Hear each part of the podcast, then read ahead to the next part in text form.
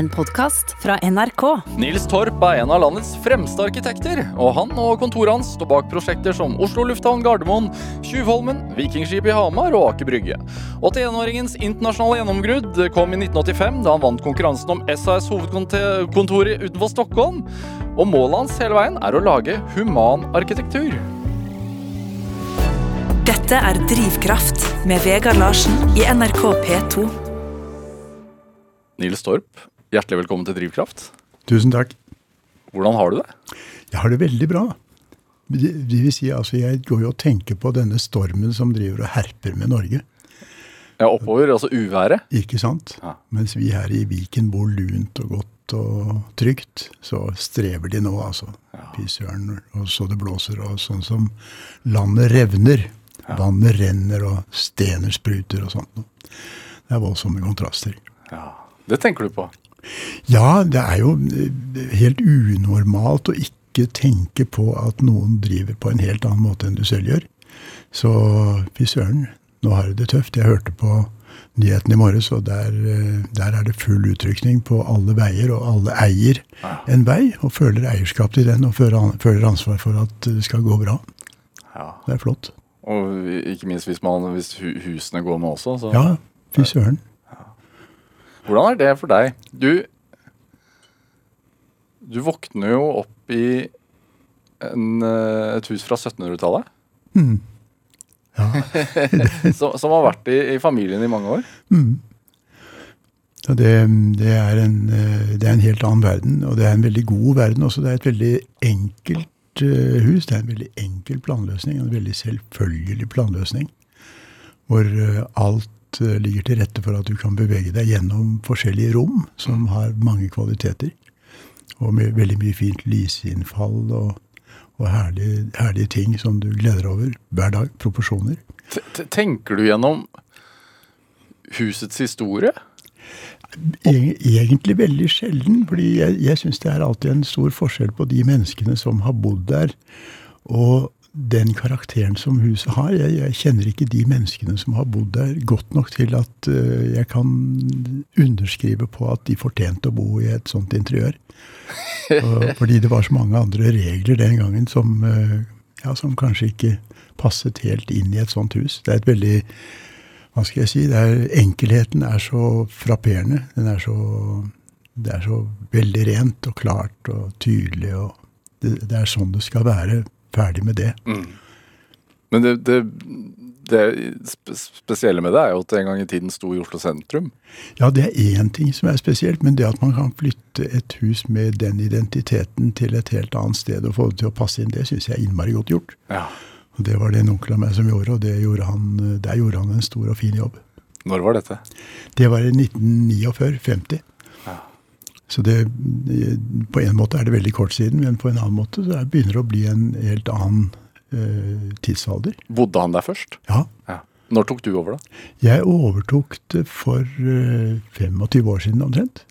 Og har, Unnskyld. ja, har bodd der, eh, har bodd der siden, og levet der siden. Hvor mange år tar det før et hus føles som et, føles som et hjem? Det går så utrolig fort. Du, du tar det i bruk, og du gjør det til ditt i løpet av veldig, veldig kort tid. Hvis det ikke yter motstand. Hva vil det si? Det, det betyr at du ikke passer inn der, og at eh, det ikke vil at du skal være der noe særlig. Og at det, er, det oppfører seg annerledes enn det du trodde det skulle gjøre. Men det gjør det absolutt ikke i dette tilfellet. Du snakker om, eh, snakker om det som, levende, som en levende organisme, nesten. Ja, til de grader. Ja. Absolutt. Hvordan er det det? Det er fordi det tar imot deg med noen veldig ja, det, Alle værelsene ønsker deg velkommen til å være der. Ja. Og vi, vi bruker det da, for vi har en veldig stor familie. Vi er 17 barnebarn, og det, det merkes. Og de renner inn og renner ut hele tiden. Og det, og det Alle føler seg vel der. Er, er du sånn som er sånn Nei, nei, ikke, ikke gå der. Vær litt forsiktig der. Nei, Nei? Det, det, det, nytter ikke. Det går ikke. Det, det er ikke noe vits i. Du, du har jo eh, Huset ditt er på Bygdøy. Du har ut, eh, utsyn til Tjuvholmen, Ja. som du har vært med å utforme. Ja, Eh, Jeg har tegnet masterplanen der, og jeg har i og for seg tegnet masterplanen av største delen av Aker Brygge også, men det var før jeg bodde der. Ser du Aker Brygge bak der, da? Nei. Ja, du ser Du gjør det? Ja, du kan se det. Og jeg, jeg vogner hver morgen med et uh, spent og kritisk blikk på hovedstaden. Jeg ser alt sammen. Og jeg ser de ja, forferdeligheter som av og til springer opp. Som for eksempel? Ja, det er noen sånne høye hus som jeg ikke har sansen for i det hele tatt, fordi Oslo er et Oslo er en by som burde følge topografien, fordi den er så veldig fin. Den, eh, vi vet jo alle at Oslo ligger i en skål, og så har den fjorden foran, og så har den marka bak. Og sånn skal det være. Og det er arvesølvet til byen Oslo. Og den skal man være forferdelig forsiktig med å rokke ved. Så de høyhusene som begynner å markere seg, de er helt unødvendige. Absolutt unødvendige i vårt land, og de er unødvendige i byen Oslo. Nei. Vi sparer ikke noe plass på det i det hele tatt. Bygg lavt og tett. Bygg åtte-ni etasjer. Av og til ti, men ikke mer. Hva, hva, ja, altså, hvor går grensen på hva som er eh, et høyt hus, og det som er bare Den, eh, det er en interessant overgang hvis du, eh, hvis du går gatelangs, som man jo skal gjøre i en by. Så er du fotgjenger som regel, altså 1,70 meter, 1,80 meter over bakken. Og når du begynner å føle at du ikke kommuniserer naturlig med de vinduene og de menneskene som holder til bak vinduene i mer enn fem, seks, syv, åtte etasjer, da er det unødvendig. Fordi ideen med et hus, det skal jo være at det hører til. Det hører til gaterommet som det ligger i, og det hører til plassrommet som det ligger til. Og hvis det er en dialog mellom menneskene på plassen og menneskene i gaten, og innbyggerne i huset, så har du et forhold.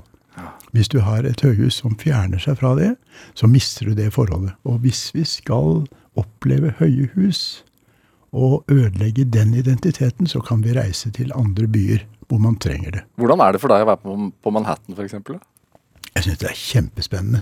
Og jeg har vært mye Jeg har jobbet i Kina en, en del, en god del, og jeg har vært veldig ofte i Shanghai.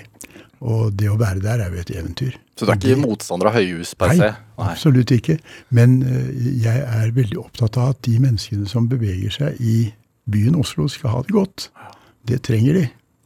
Og da skal de ha kommunikasjon med de menneskene som bor i husene rundt. Hvorfor har det så mye å si? Det er, det er det lille bidraget vi som arkitekter kan gi tilbake til samfunnet, når vi får lov til å tegne hus som fellesskapet egentlig burde eie. Fordi alle som bor i byen Oslo, og i og for seg alle som bor i landet Norge, de eier grunnen og hovedstaden som står på den. Og det betyr at vi har disse arealene til låns en kort periode mens vi regjerer. Og vi, min generasjon, og kanskje generasjonen før, har på mange måter tatt eh, et litt for barskt eierskap til denne byen og gjort for mye med den, i mine øyne. Slik at den har, vi har forandret den for mye. Vi har trampet på den, trampet på identiteten og revet for mye. Og det bør vi ikke gjøre, fordi vi har den til låns. Og det er andre som overtar den senere, og de skal komme til eh, mulighetenes by, det òg, hvor man kan utvikle nye tanker og ideer. Og ikke bare leve på det vi har gjort. Så vi, vårt inngrep har vært enormt. Hvordan er det for deg å gå rundt i Oslo by? Jeg tenker, Du har jo satt ditt preg, og ditt kontor har satt ditt preg på byen. Mm. Eh, men din far har satt sitt preg på byen. Mm. Og, og din bror har satt sitt preg på byen. Ja, Det så, så det er Torp-slekten eh, jeg, har sikkert glemt noen Det er flere arkitekter i familien. Ja, også. farfar har jo også gjort det, fordi han var planlegger i byen. Han var reguleringssjef Ja. i Oslo. Og han, og han var veldig glad i tunneler. Um, og forutså at det ville bli en del tunneler som var nødvendig mellom Øst- og Vestbanen, bl.a. Ja. Det var veldig tidlig. Og barn og barnebarn kommer også. De kommer så det suser. Ja. Og det er, det er jo naturligvis en glede. Men det, det, det gjør at eh, du er veldig var for dette med generasjonene og den impact de har på byen, og det stempel de skal få lov til å sette på den, uten at de skal eh, få fy-stempel. Men er det sånn at du, når, du da våkner opp og, og ser rett på, på Tjuvholmen og Aker Brygge bak deg, og da ser hva du har vært med å utforme, er det Hvordan er det? Det er en, en blandet opplevelse.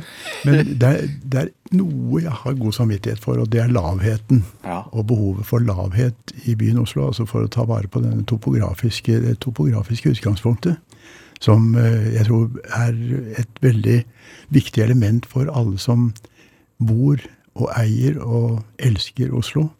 Det er akkurat at den møter fjorden i den ene enden og møter marka i den andre enden. Og det er helt avgjørende. Og da er det viktig å ikke bygge en millimeter mer i marka, og det er viktig å ikke fylle mer stein i fjorden, fordi det vannet, det må vi ha. Og marka bak må vi ha. Men Torp, hvor skal man da bygge? Ja, da skal man bygge tett og lavt. Og så er det ikke en menneskerett å bo inni juvelen. Det er ikke, det er ikke alle, alle, gitt å få lov til å gjøre det. Sånn er det bare. Sorry.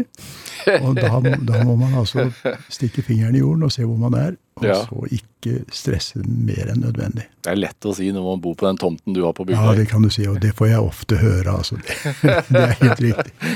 Men er det sånn også, for jeg veit at du har vært engasjert i Filipstadkaia, Ja. som jo da ligger hva skal man si, på utsiden av Tjuvholmen. Ja. Eh, og du har, du har noen drømmer om hvordan det skal se ut der? Ja, og der, er jeg, der følger jeg Karl Johans drøm, som var en stor planlegger. Han ville ha et parkstrøk mellom Slottet og Bygdø. Og han var bl.a. en av dem som sørget for at Bygdø ble en allmenn nytelse. Og en, en, et, eh, alle fikk et eierskap til Bygdø, og det er veldig bra. Og det føler folk veldig sterkt i dag. Bygdø blir full av mennesker, og det syns jeg er helt herlig. Men vi mangler den grønne tråden langs Fjordbyparken, Ja. som eh, egentlig ligger på fatet. Det ligger en mulig løsning fra Kongshavn til uh, Bygdelokket. Å lage en grønn oase hele veien, som knytter byen til Bygdø og til Ekeberg. Ja. Og det er to sterke landskap. Høres flott ut, da, men tror du det blir noe av det? Ja, det, det tror jeg faktisk. Jeg tror at hvis vi ikke klarer å løse det i vår generasjon, så skal vi overlate hele pakka til neste. Fordi jeg er helt sikker på at noen på et tidspunkt er så sterke at de klarer å få det til. For det ligger på fatet, som sagt. Dette er Drivkraft med Vegard Larsen i NRK P2. Og i dag er eh, arkitekt Nils Torp her hos meg i Drivkraft på NRK P2. Jeg veit at du driver og småfikler og retter opp i sånne gamle prosjekter om dagen. Ja, det er riktig. Og det, det er fordi du, du ser deg i bakspeilet, og det gjør man jo veldig ofte. Jeg har alltid gjort det. Jeg har alltid vært sånn som aldri kan slippe et prosjekt helt og si at eh, det var det. Jeg har vært vant til at det er aldri for sent å komme i mål. Selv om du ikke vant akkurat den duellen, så er det veldig mye, mange muligheter som viser seg for å kunne gjøre det bedre enn det det var. Har du noe eksempel på ting du har Ja, jeg har, det, er noe, det er noe greier på 20-årene som jeg er litt uh, sur for, og så er det noe så, greier Som for eksempel? Ja, jeg, jeg vil ikke nevne akkurat uh, hvilket prosjekt det er, for det er litt sårt for eierne. da. Ja, jeg skjønner. Så, men det er, det, er, det er jo veldig eh, I en arkitekts øyne så er det viktig, i andres øyne så er det bagateller og veldig banalt, egentlig. Men det, er, det har med materialitet å gjøre, kvalitet på byggeelementer og noen sånne detaljer hist og her, fordi vi er veldig, veldig opptatt av det. Vi er, vi er sære, vil jeg si, når det gjelder det der. Altså kvaliteten i det du gjør er helt avgjørende for at du skal sove godt om natten, og at du skal drømme søtt. Det, det, det er tilfellet. Det er, Hva kan, hva kan holde deg våken? ja, det er altså Hvis du var komponist, da, eksempel, eller du var dirigent og skulle dirigere et orkester, og så var det fader ullan meg en som hadde en skikkelig sur en. ikke sant? En sur tone. Skar seg, og du hørte det så tydelig. Det var en, noe som kom helt galt inn. Da er det det du tenker på når du tenker på det musikkstykket. Ja. Og det kan du ikke fortsette å gjøre uten at du må gjøre noe med det. Du må liksom gjøre noe med det. Så det er sånne ting. Hva kan det være i et bygg? Det kan være en gal materialitet. Det kan være et materiale som ikke oppfører seg sånn som du trodde det skulle. Ja. Det kan være en form som plutselig ble for vulgær. Det kan være en detalj som ble for busy, som tok uh, styring på helheten, sånn at det var den du så fremfor alt. Og arkitekten ser alltid det som er dårlig. Altså det, det som opprører deg, det er det du ser når du ser tilbake på det du har gjort. Du gleder deg over en del ting som er ålreit og bra.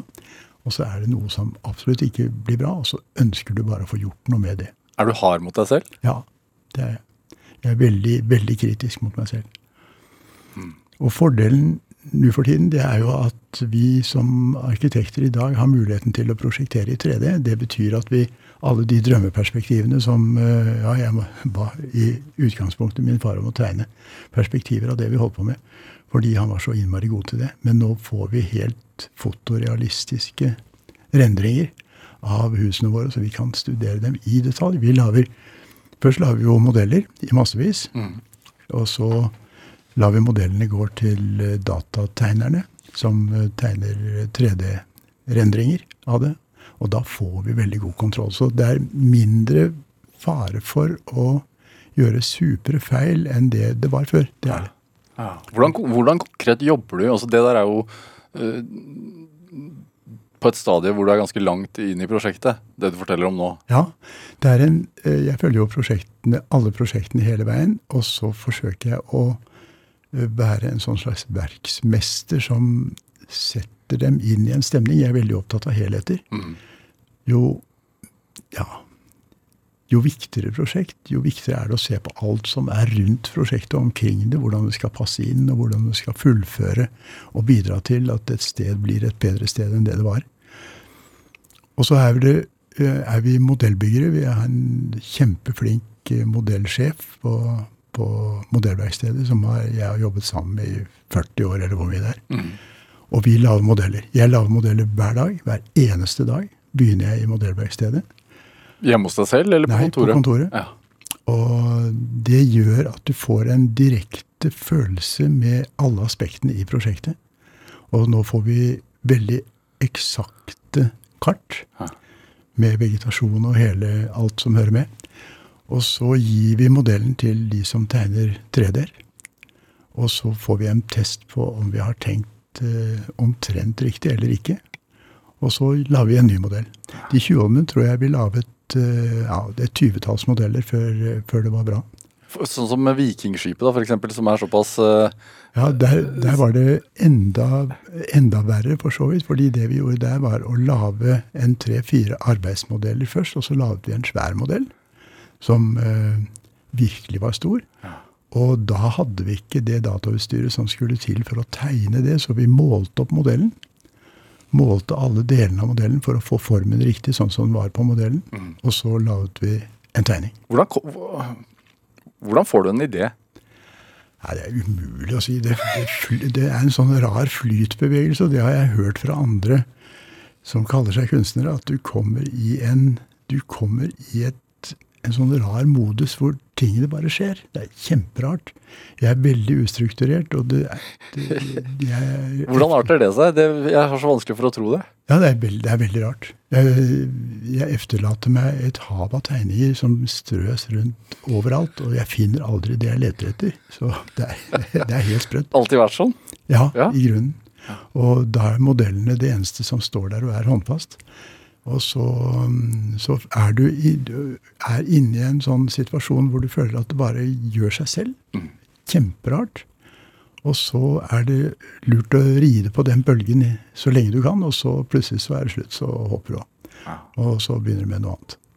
Hm, men sånn som altså f.eks. Eh, SAS-bygget utenfor Stockholm, da? Ja, det, det, er fordi du Det er jo stedet som Det som heter Genius Loki. Det er altså magien ved et sted. Når du har sett et sted i to sekunder, det er to sekunder, så vet du veldig mye om stedet. Hvis du ikke har sett det, så er det veldig mye du ikke har sett. Det er jævlig rart. Må du være der fysisk? Du må være der fysisk. Ja. Eh, vi er jo der digitalt når det er prosjekter som er langt unna, men da, når du er der fysisk, da hører du og lukter og ser og fornemmer. Og i dette tilfellet så var det en svær grushaug et fantastisk naturområde hvor det var en skikkelig synd å bygge et svært hus for 1500 mennesker. ja, tenker du det når du får når du, ja, ja, du, ja, Du tenker at her ligger en innsjø. Ja. her er det en allmenn nyttighet. Det går folk i parken, og her skal du dumpe ned et svært digert hus. Og det jeg da foreslo, det var at vi skulle grave bort hele grusåsen, som var eh, Det var en gammel militærleir. Og så grov vi, så målte vi opp den, og så grov vi den bort. Og så la vi huset inn der hvor grusåsen hadde ligget, slik at den gled inn i naturen. Og da ble det et hus i natur, hvor naturelementet som romdannende eh, rom rundt bygningens eh, Det er en sånn bygninger som ser ut som en krabbe omtrent. De ble et veldig viktig interiørelement i huset. Ja, for det, det, Hvis man ser det ovenifra, så er det en, et langt hovedbygg også med sånne Ja. tentakler eller Ja, armer akkurat. ut. Tentakler, det er, det er ordet. Altså organiske, organisk formete tentakler. Er det, det er akkurat der traff det. Ja. Uh, og det, de tentaklene møter da dette landskapet, og så kunne vi forme det som var igjen av grusåsen, som motformer mot disse tentaklene, og lage rom, parkrom, som lå, ligger utenfor. Hva, hva tenker du, så har du noen formening, altså noen tanker om hva de som skal jobbe der, vil føle når de kommer på jobben? Enormt. Ja. Det er fordi det er veldig rart når du er skandinav, og så skal du være sammen med 1500 eller 2000 andre mennesker i en kledd av en bygning. Hvordan oppfører en skandinav seg da? Ja, liksom? hvordan? Og er, og vi skandinaver vi er jo vant til å se ut i natur, og være i natur, og være i naturrom. Ja. Så den følelsen av å bli tatt imot av da et enormt langt perspektiv, det er som en katedral som trapper seg nedover, og vender seg mot uh, naturrom, det forestilte jeg meg at kunne være veldig ålreit. Det er, er det det du kaller Er det det som er det du kaller human arkitektur? Ja, jeg vil si det. Jeg, jeg er, og har alltid vært uh, veldig opptatt av mennesker. Jeg er veldig glad i mennesker. Og jeg morer meg enormt. Og jeg hadde en, eh, en ungdomsopplevelse hvor jeg var ung og følsom og redd. Eh, ung mann i Roma et uh, trekvart år. Og gikk rundt og opplevet hvordan Og studerte? Og studerte, ja. Ja. Men studerte gatens arkitektur. Jeg gikk rundt og, og så meg om med store, åpne øyne. Og skjønte egentlig ikke så veldig mye av det jeg så, men det gikk inn og ble en del av bildet i hodet mitt av hva du egentlig skulle gjøre senere. Hvordan da? Altså det der at du ser hvordan menneskene agerer, hvordan de går i flokk, hvordan de beveger seg i gater og plassrom og sånt noe, det er det sentrale. Og hvordan du da kan agere fritt som et, eh, et individ. Og jeg, glemmer jo f.eks. aldri en sånn en plass hvor det var en dame som ropte ned til kaféeieren syv etasjer under seg og kastet en pose med ustekt okse, tenker jeg, eller noe sånt, ned i plastgulvet som det sa klask, og så ropte hun ned og ba ham steke den og komme opp med den igjen.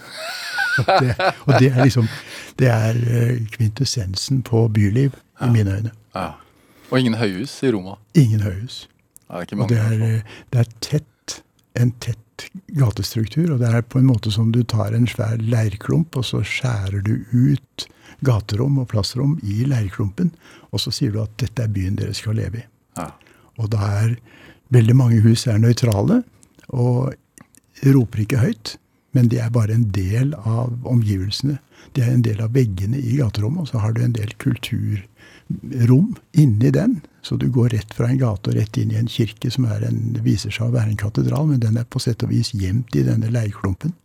Så det er, eh, det er en veldig fascinerende struktur, og jeg har prøvd å bruke det i moderne arkitektur som, et, eh, som en måte å tenke tettsted på. Altså det der at du beveger deg i et En bygning er en by, og en by er en bygning.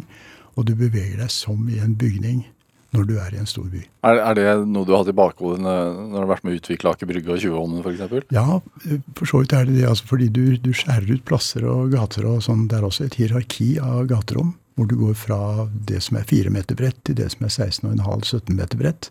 Og til, et, til Bryggetorvet som er 43 meter bredt. Og 80 meter langt omtrent.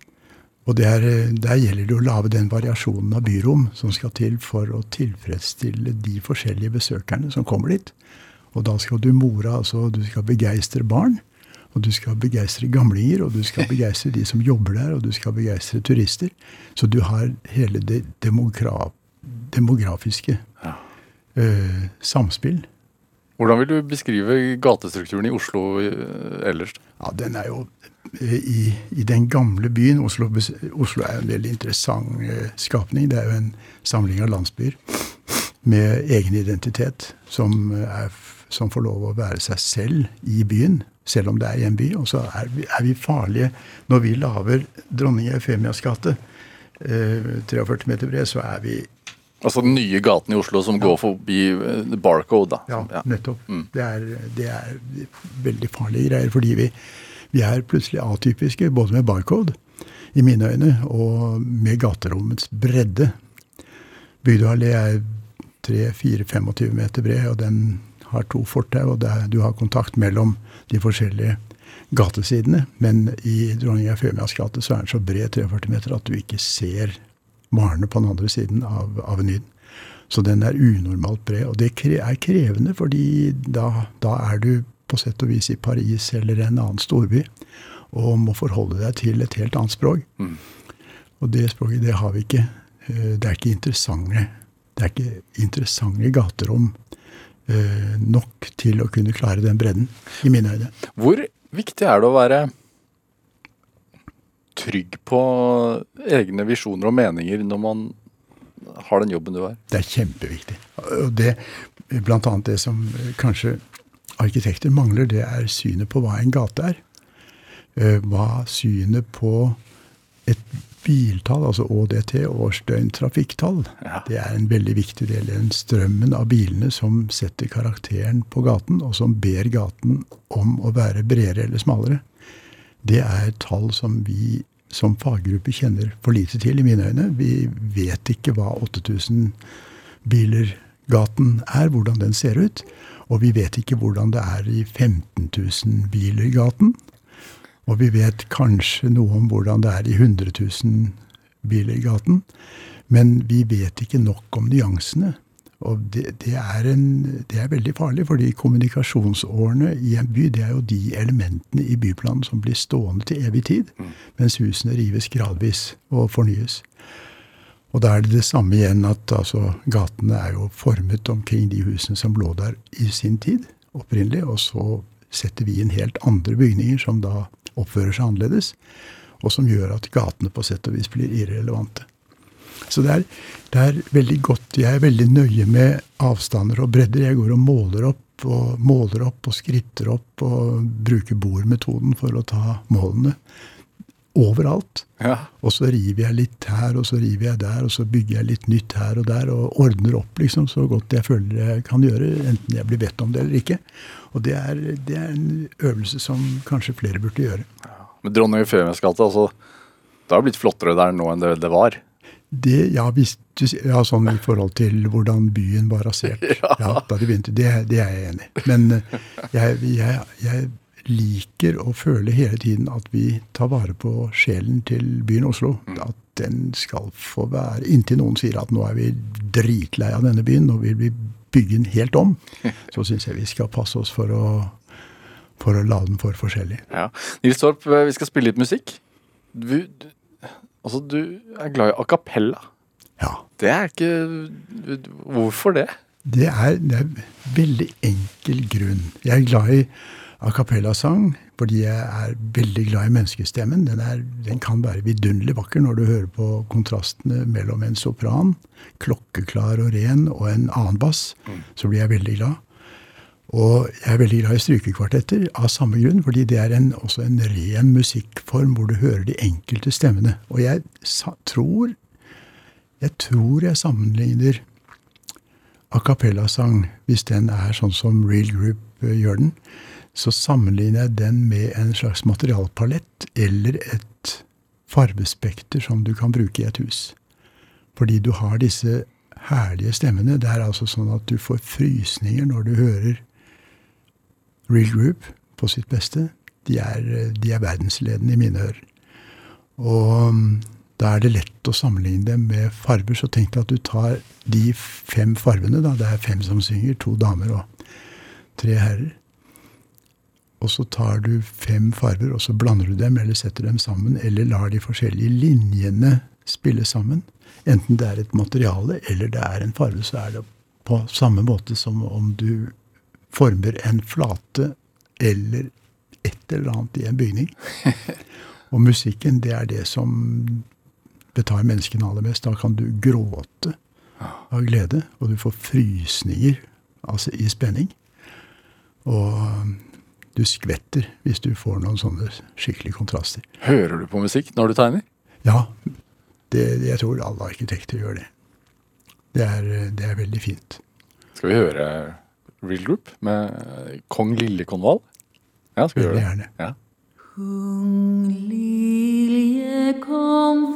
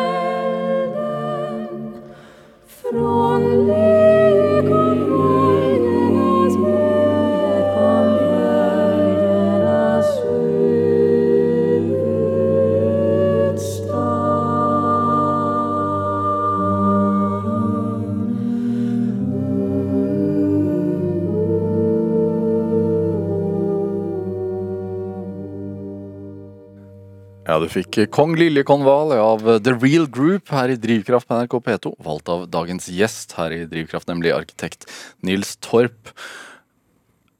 Du er fra Oslo, du er født i Oslo. Ja. 1940. Ja. Hvordan vil du beskrive oppveksten din? Den, var, den gjorde at jeg ble en drømmer. Vi, vi bodde på bygda da også, og like ved Langviksbukten. Så jeg var i vannkanten fra jeg var født, og ramla i vannet titt og ofte. Og opplevet veldig mye drømmerier med akkurat overgangen mellom vann og land. Det er et salig, herlig sted å drømme seg bort. Hva vil det si? Altså oppleve drømmerier? Ja, du, du, du kan innbille deg så veldig mye når du sitter og ser utover en vannflate. Og du, du ser den når den er blank, og når det blåser på den, og når det regner på den. Og så kjenner du lukten av den, og ser på alle de raringene som bor der. Både i strandkanten, rotter og sånne krypdyr. Og krabber og fisk og alt mulig. Det er, det er et, et veldig lekent element. Og hvis du ser på gamle malerier, eller på malerier i det hele tatt, så ser du veldig ofte malerne som er blitt forhekset av akkurat overgangssonen mellom land og vann. Og den tar meg enda. Er jo eh, krigsår dette her i oppveksten din. Ja. Mm. Hvordan Altså, har Påvirket det deg nå? Det, det gjorde for så vidt det, fordi vi, vi, vi opplevet eh, eksplosjonen på Filipstad veldig nært, og da blåste den ut vinduene i stuen vår. Eh, Så det var, det var skjellsettende, så da ble jeg litt engstelig Ja. i en del år etter det. husker du det? Ja, jeg husker, jeg husker angsten fra den eksplosjonen som jeg ikke skjønte noen ting av, selvfølgelig. Nei. Og mm, jeg tror, jeg tror ikke at det er en eh, det, det, var det var ikke noe skade, fordi mor og far var rolige mennesker. Så det, det var ikke noe hysteri. Men eh, det var en voldsom overgang. Den, eh, det smellet og vinduene som skrallet inn og sånt. Hvor stor var familien? Fem barn. Og masse fugler og fisker og greier. Og mye folk som kom innom og hilste på disse fem barna hele tiden. det var et livlig, et livlig sted. Ja. Og vi, vi brukte båt veldig mye av tiden. Det er som når du er på Hitra eller andre, andre steder hvor du, er, du bruker båt for å komme et sted. Og jeg hadde familie på den andre siden av bukta, så det var mye roing og greier. Det var kjempefint. Frihet? Ja, Stor frihet? stor frihet. Og ingen engstelige foreldre som sa at det var ikke noe lurt å gjøre sånn og sånn. Det var, ikke, det var mye lettere å være barn på den tiden, tror jeg. Men ble det Så du ble arkitekt, da, som din far? Og, og som din farfar? Mm. Var det forutbestemt, eller? Ja, det- hvordan, hvordan blir det sånn? det er, jeg tror det er veldig vanlig at man, uh, blir, be, man blir betatt av det Hvis far er en glad mann, så blir du betatt av det han driver med. Fordi du, du ser og skjønner og hører at dette er et spennende liv. Hadde dere modeller og sånn hjemme, da? Ja, av og til hadde vi det, men de drev ikke så mye med modeller på den tiden, merkelig nok. De drev mer med perspektivtegninger. Så det modellverkstedet som eh, jeg etablerte da jeg begynte i, i virksomheten, det var mer fordi jeg følte at jeg måtte ha noe ordentlig håndfast og skjønne det jeg drev med. Jeg tror at eh, hvis du ikke skjønner helt hva du gjør som arkitekt, så kan du iallfall være brennsikker på at det er ingen andre som gjør det heller. Da, for, å, for, å vise, for å vite på sett og vis hvilken vilje du har bak en bygning, eller vilje du har bak bruken av et landskap, så bør du konkretisere det så godt som mulig, sånn at du virkelig skjønner det i dypet av din sjel hva du egentlig driver med. Hva lærte du hjemme, tror du, da? Bortsett fra deler av faget ditt, selvfølgelig. men... Den, den viktigste delen tror jeg er fabuleringen. Jeg, jeg forsøker å spore eh, ja, barnebarna i første rekke, selvfølgelig, men også mine kolleger, til å være lekefulle. Og føle at eh, man er fri. Man, som arkitekt så har du en veldig frihet. Det er jo bare din fantasi som setter grenser. Og det er eh, veldig synd om man ikke bruker den friheten til å, til å forme, selv om det går naturligvis du går løs på oppdragsgiverens lommebok av og til, men det, det jeg sier, er at det er ikke det som på sett og vis koster mest. Fordi et hus det skal ha doer, og det skal ha korridorer og trapper og heiser og kjeller og fundamentering og tak og vegger og alt mulig. Så det koster omtrent det samme, sier jeg da.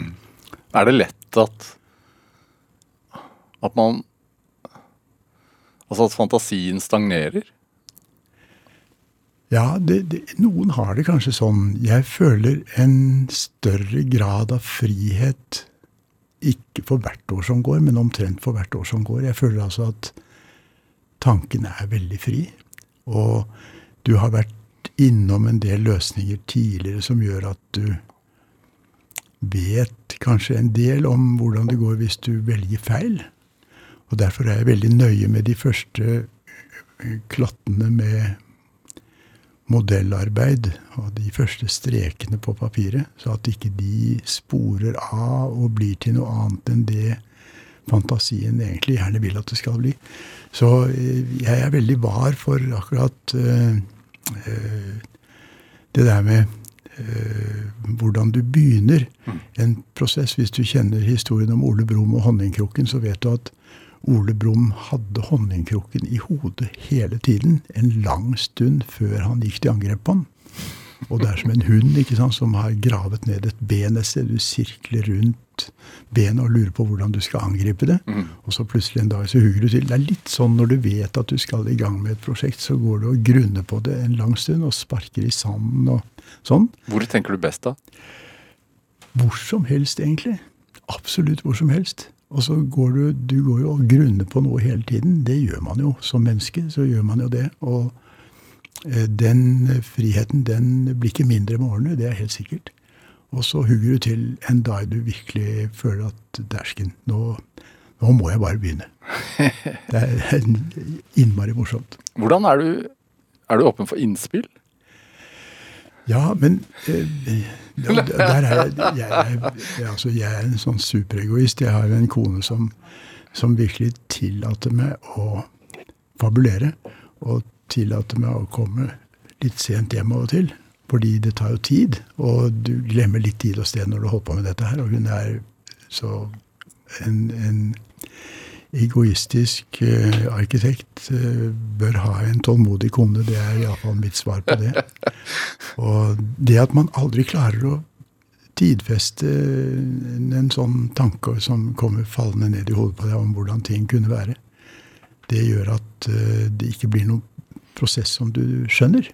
Den bare eksisterer og kommer der og blir til. Konkurransemannen Torp, da? Ja, det er, det er jo herlig. Og det, det har med regattaseiling å gjøre, har jeg funnet ut. Ja vel. Og regattaseiling, det, er, det har jeg drevet, drevet veldig mye med, og det er sånn at du er aldri i mål før du er i mål. Og det er kjemperart, og det er veldig viktig. Alle andre virksomheter er sånn at du kan anta at eh, du blir nummer to eller tre eller taper eller vinner.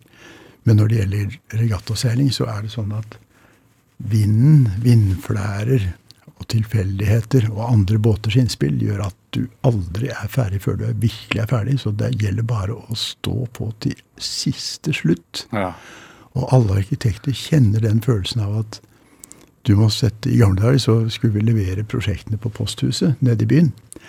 Veldig anstrengende, og da måtte du simpelthen ta med deg greiene ned dit og tegne de siste strekene og pakke konkurransen inn og sette foten i dørsprekken sånn at det ikke lukket. Det er helt sant. Og det var, det var store prosjekter også som ble levert på den måten. Har du eksempel på et, på et stort prosjekt hvor du jeg, tegnet siste strek på posthuset? Jeg, jeg, jeg husker ikke akkurat hvilke prosjekter det kan ha vært, men jeg har vært med på noen prosjekter i England bl.a., og der har det vært sånn at vi har tatt med modellbiter på, på flyet for å sette det sammen på hotellrommet om kvelden, omtrent. Og i Oslo-sammenheng så var det ganske ofte det skjedde. Nå er det litt annerledes fordi du sender det digitalt, og du blir stemplet som uverdig hvis du leverer for sent, så det er, det er, ikke, noe, det er ikke noen uh, mulighet. Men det, det, var en, eh, det var sånn det var, og da var det bare å bruke tiden helt ut. Ja. Hvordan er det? Altså, hva tenker du egentlig om de store eh, offentlige konkurransene? Den, jeg hadde en veldig sår opplevelse med regjeringskvartalet, fordi eh, vi var med på den og syntes vi hadde laget et eh, innmari bra prosjekt. Det gjorde sikkert alle de andre også. Men der var det en, en vinner som i mine øyne kanskje ikke burde ha vunnet. Men det er en, en glemt historie. Den, det er vel nok noe det er vanskelig å komme over, en del sånne ting. Men ellers så syns jeg at det har vært uh, veldig relevant å tape. Annet for uh, operaen. Uh, Da den vant, da var jeg veldig glad for at vi ikke vant. Fordi det prosjektet var så eventyrlig godt. Ja. Og det har vist seg å stemme veldig godt etterpå. Er det ofte du er, er så god taper? Ja, som regel Ja. så skjønner du hva det var som gjorde at de vant som vant. Men av og til så skjønner du det selvfølgelig ikke. Hvor mye koster det? Sånn som regjeringskvartalet, hvor mye koster det firmaet ditt å være med på en sånn konkurranse? En million eller to eller tre, tenker jeg. Det er, rådyrt. Rett ut av vinduet. Rett ut av vinduet. Men det er, eh, altså, det er, det er i og for seg konkurranser som eh, brakte meg og oss dit vi er, fordi vi vant veld, veldig mange. Vi var 100 mann til slutt, og vant veldig mye i en periode. Og mm, det har vært et eventyr. Det har vært kjempegøy. Så det så handler det om å ta sjanser, rett og slett. Det må du For å oppnå. Ja, du hiver deg ut og kaster deg ut og tror på det du driver med, og mener at eh, du har et sunt, rent og skarpt og fint prosjekt. Mm. Og så vinner du eller taper. Er du, går du Du, jeg veit du er opptatt av noe som, som, heter eh, second home. Ja. Eh, at man skal nærmest bo på kontoret, si, eller bo på skolen Ja. sin. Det er, det er en ehm, Jeg tenkte mye på det da vi tegnet BI, fordi ehm, når du er student, så er du i en helt egen modus. Og det å være isolert og sitte og lese i en bok, det gjør at øynene faller igjen og sinnet sløves. Når du er i en studentmodus, så er du sammen med kolleger hele tiden. Og du beveger deg i grupper. Og da er det veldig viktig at du kan leve i et sosialt fellesskap som er stimulerende, fordi det gir energi. Altså B-huset i Nydalen i Oslo, Ja, for eksempel. Ja. Som, som har den nedre delen er kafeer og Ja. og spisesteder også. Ikke sant? Og så, har du, så ville vi ha Jeg var veldig opptatt av at lærerne skulle sitte på midten og ikke på toppen, fordi studentene skulle ha det herlige biblioteket på toppen.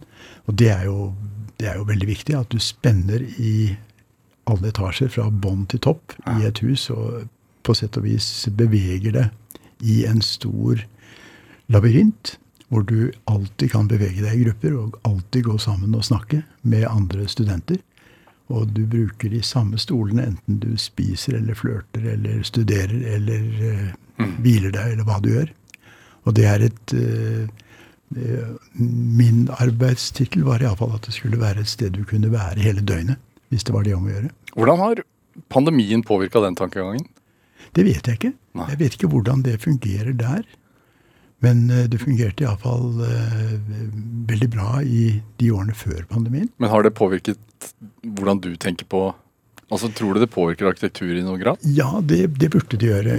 Jeg tegnet også masterplanen for eh, sykehuset i Trondheim. Den første skissen til det. Og den baserte jeg på uh, Ullevål sykehus, som jo er et slags epidemisykehus med separate medisinske enheter. Som er en veldig god og klar og tydelig sykehusmodell, hvor hvert enkelt bygg inneholder én konkret sykdom med sitt mannskap. Og så laget vi da i Trondheim så laget vi det akademiske strøk, hvor alle fagorienterte leger og, og helsepersonell kunne gå i korridorene og snakke kloke eh, tanker om hvordan de så på livet. Og det epidemisykehuset det er veldig relevant i dag, når man eh, arbeider med, med covid. covid. Det er eh, ikke så relevant når man arbeider med kontorbygg, fordi der er behovet for kommunikasjon enormt mellom alle menneskene som er der. Så der er det kanskje litt annerledes. Og hvordan man gjør store kontorbygg i fremtiden, i pandemitidsalder, det er ikke godt å si. Men sykehusmessig så er det i mine øyne veldig effektivt å tenke epidemisykehus i fremtiden, og i dag og i går. Så Trondheims eh, regionsykehus er jo basert på autonome medisinske egen, egenart. Hvis jeg, hvis jeg forstår deg rett, så er du ikke så spesielt uh, fan av å bygge sykehus i høyden? Nei, det blir håpløst. Både, både fordi det som bygning ikke er eh, forenlig med eh, arealøkonomi, og fordi du skal ha horisontal kommunikasjon så, i så stor grad som mulig. Og så har de menneskene som ligger på sengeposter, f.eks., de har et veldig behov for å kunne skue ut over sin egen elendighet. Og det betyr altså at de må se på natur i nærheten. De må kunne se på trær og selvfølgelig skyer. Fjerne fjell og nære bakker og, og sånne ting. Altså nær natur. For å kunne glemme hvor vanskelig de egentlig har det. Og da er det viktig hvor dette vinduet sitter i veggen, og hvordan det sitter i forhold til sengens høyde, og hva du ser ut på. Og da er det fint å se ut på et landskap, og ikke bare ut i tomrommet. Er, er det, altså Vi snakker jo om et second home, men, men hva med ditt eget hjem? Også hva er, når du bygger hus der folk skal bo, hva, hva, hva, er, hva, er viktigst da? Er det kjøkkenet? Ja, jeg, jeg ville si at uh, der syns jeg du traff det, og det er det mange som mener, og jeg syns de har rett. Det jeg la vekt på f.eks. i huset vårt på Høvik det, Et av de første du tegnet? Ja, det var sånn, ga- ganske tidlig iallfall. 30 år gammel eller noe sånt? Ja, noe sånt, eh, ja, noe sånt noe, tror jeg. Jeg husker ikke akkurat. Eh, Det var at du skulle ha et torv, et samlingspunkt, hvor alle som kom inn, skulle møte alle som bodde. simpelthen at du skulle plumpe inn, og så skulle du ha et spontant møte med alle som, eh, som var der. Sånn at du ble kjent med stemningen. Og det er kanskje en ting som eh, man har lett for å glemme eh, noen ganger. At du, og det gjelder jo både for leiligheter og for hus, at du har et hjerterom i et hus som forteller om en vilje som du har om hvordan du vil at folk skal ha det og oppføre seg mot hverandre i et hus. hus. Så idealhuset er jo for så vidt et atriumhus hvor du har et fellesrom hvor soveværelsene vender nokså godt inn mot dette fellesrommet. Men så må du også ha utganger, fordi når du er sur og tverr og vrang, så kan du gå din vei og slamre døren igjen uten å bli sett. Ja. Og det, det er jævla viktig. Ja, har du en sånn furtebu? Jeg må gå ned en trapp og ut en dør, tror jeg. Hvis det er noe.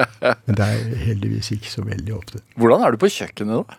Er du, er, er du, er du glad i å lage mat? Nei, jeg, jeg kan ikke det. Kan ikke jeg, er- jeg er veldig dårlig til det. Så jeg er hjelpegutt og tar oppvasken og rydder hele tiden. Og konen er veldig flink til å lage mat, så hun ordner alt det der.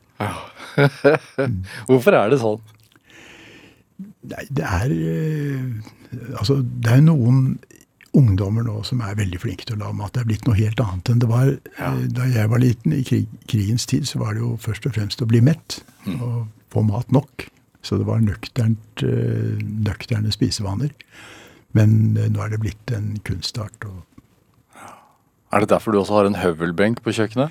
nei, det er fordi det er i grunnen fordi den eh, gjør at jeg kan være sammen med andre mennesker som graviterer til kjøkkenet. Det er veldig fint møtested hele tiden, fordi det foregår alltid noe der. Og jeg liker aldri å tegne alene, og jeg liker ikke å snekre alene. Jeg liker å være sammen med folk hele tiden. Jeg syns det er veldig herlig. Hvorfor det? Ja, Det er vanskelig å si. Det, det vet jeg faktisk ikke, men det er bare sånn. Altså, Jeg føler at det er eh, For meg er det Jeg liker å sitte midt i denne store familien og tegne. Jeg syns det er veldig ålreit. Jeg liker det godt. Får, får inspirasjon av, Ja, av hjem, altså, hva skal man si? Støyen i et hjem? ja det, det foregår noe hele tiden. Det er, det er rart. Jeg vet ikke hva det kommer av. Men jeg tar alltid greiene med meg. Ja. Inspirasjon generelt, da. Hvor kommer den fra? Er det musikken? Det er veldig vanskelig å si. Det er, altså, vi, er jo, vi i Norge er jo enormt glad i naturen vår. Og det er der eh, Når jeg blir virkelig hissig, når jeg blir rasende og sint og fortvilt, det er jo når noen ødelegger opplagte ting som ligger på fatet og bare venter på å bli kvalitetsarealer. F.eks. nå som på Huk, på Bygdøy. Landet Huk. Der har Bymiljøetaten bygget 30 dasser, eller hva det er for noe. Akkurat der hvor utsikten, kontakten mellom land og hav er på det aller beste. Og det er så umusikalsk at du får frysninger. Det er helt forferdelig. Og det er en padde av en uh, altfor høy paviljong som markerer altfor tydelig at dette er feil. Ja. Og det, sånt må man ikke gjøre. Man må ikke drepe og ødelegge disse enestående naturområdene som vi har fortsatt, som er jomfruelige. Vi må bygge der hvor det er naturlig å bygge, og riktig å bygge. Der hvor det har vært bygget før. Vi må ikke ta sånt land og ødelegger på den måten, fordi det blir ødelagt for tid og evighet. Ingen ser hvor fint det egentlig er. Og dette er det Bymiljøetaten som har gjort. Er du en engasjert nabo? Ja, Ja. det vil jeg si. Ja. Ja, jeg, jeg blir veldig opprørt når det er sånne overgrep som det der. I naturen, det F.eks. da Røkketårnet skulle bygges, så ble jeg, da ble jeg helt frenetisk. 225 meter i strandkanten, midt i det arkipelet som alle har et forhold til. Ja. Det er Altså, umusikalsk er eh, Det er et mildt begrep. Det hjelper, da. Du har jo noen hus i nabolaget som du har vært med å Ja, ja. Er, jeg går ikke skottfri, det er ikke det jeg sier. Men når det er sånne opplagte overgrep, så da blir du fortvilt. Hva, ten, hva tenker du er, er drivkraften din nå om dagen? Det er i grunnen hele tiden den drømmen om å lage noe som er veldig bra. Det er, jeg blir ikke ferdig med det.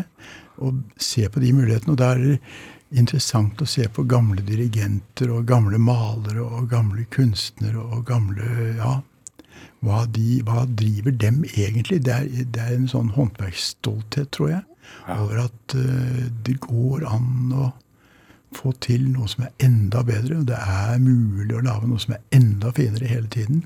Det er bare å strekke seg litt til, så går det kanskje. Ja. Så det er, eh, jeg vet ikke om dette virker veldig frustrerende på, på unge mennesker, men, men det er jo en del eh, folk som har holdt på ganske lenge og begavet verden med bra saker. Og så lenge for, I min, min verden så er det bare lystbetont, og det er konen eventuelt som da må lide litt, men hun er veldig sjenerøs. Ja. For en egoist. Så Er det også en fin ting at du den dagen det da skjer, at du etterlater deg masse ting? Og masse store bygg? Ikke nødvendigvis store bygg, og det er, det er veldig rart med det der at eh, store bygg eller små bygg betyr egentlig veldig lite. Men det er klart at eh, impact fra et stort bygg er enda viktigere enn impact fra et lite bygg, fordi det vedrører flere mennesker. Så det betyr jo igjen at du føler at du har et enda større ansvar for ikke å tråkke i baret når du arbeider med store ting. Og det er, eh, det er naturligvis en spore til ekstra innsats. Nils Torp, tusen takk for at du kom hit til Drivkraft. Takk for meg. Hør flere samtaler i Drivkraft på nrk.no eller i appen NRK Radio. Send oss gjerne ris og ros og tips til mennesker som du mener har drivkraft. Send en e-posten til drivkraft, krøllalfa, nrk.no. Vi hører gjerne fra deg. Produsent og researcher i dag var Ellen Foss Sørensen. Jeg heter Vegard Larsen. Du har hørt en podkast fra NRK. Hør flere podkaster og din NRK-kanal i appen NRK Radio.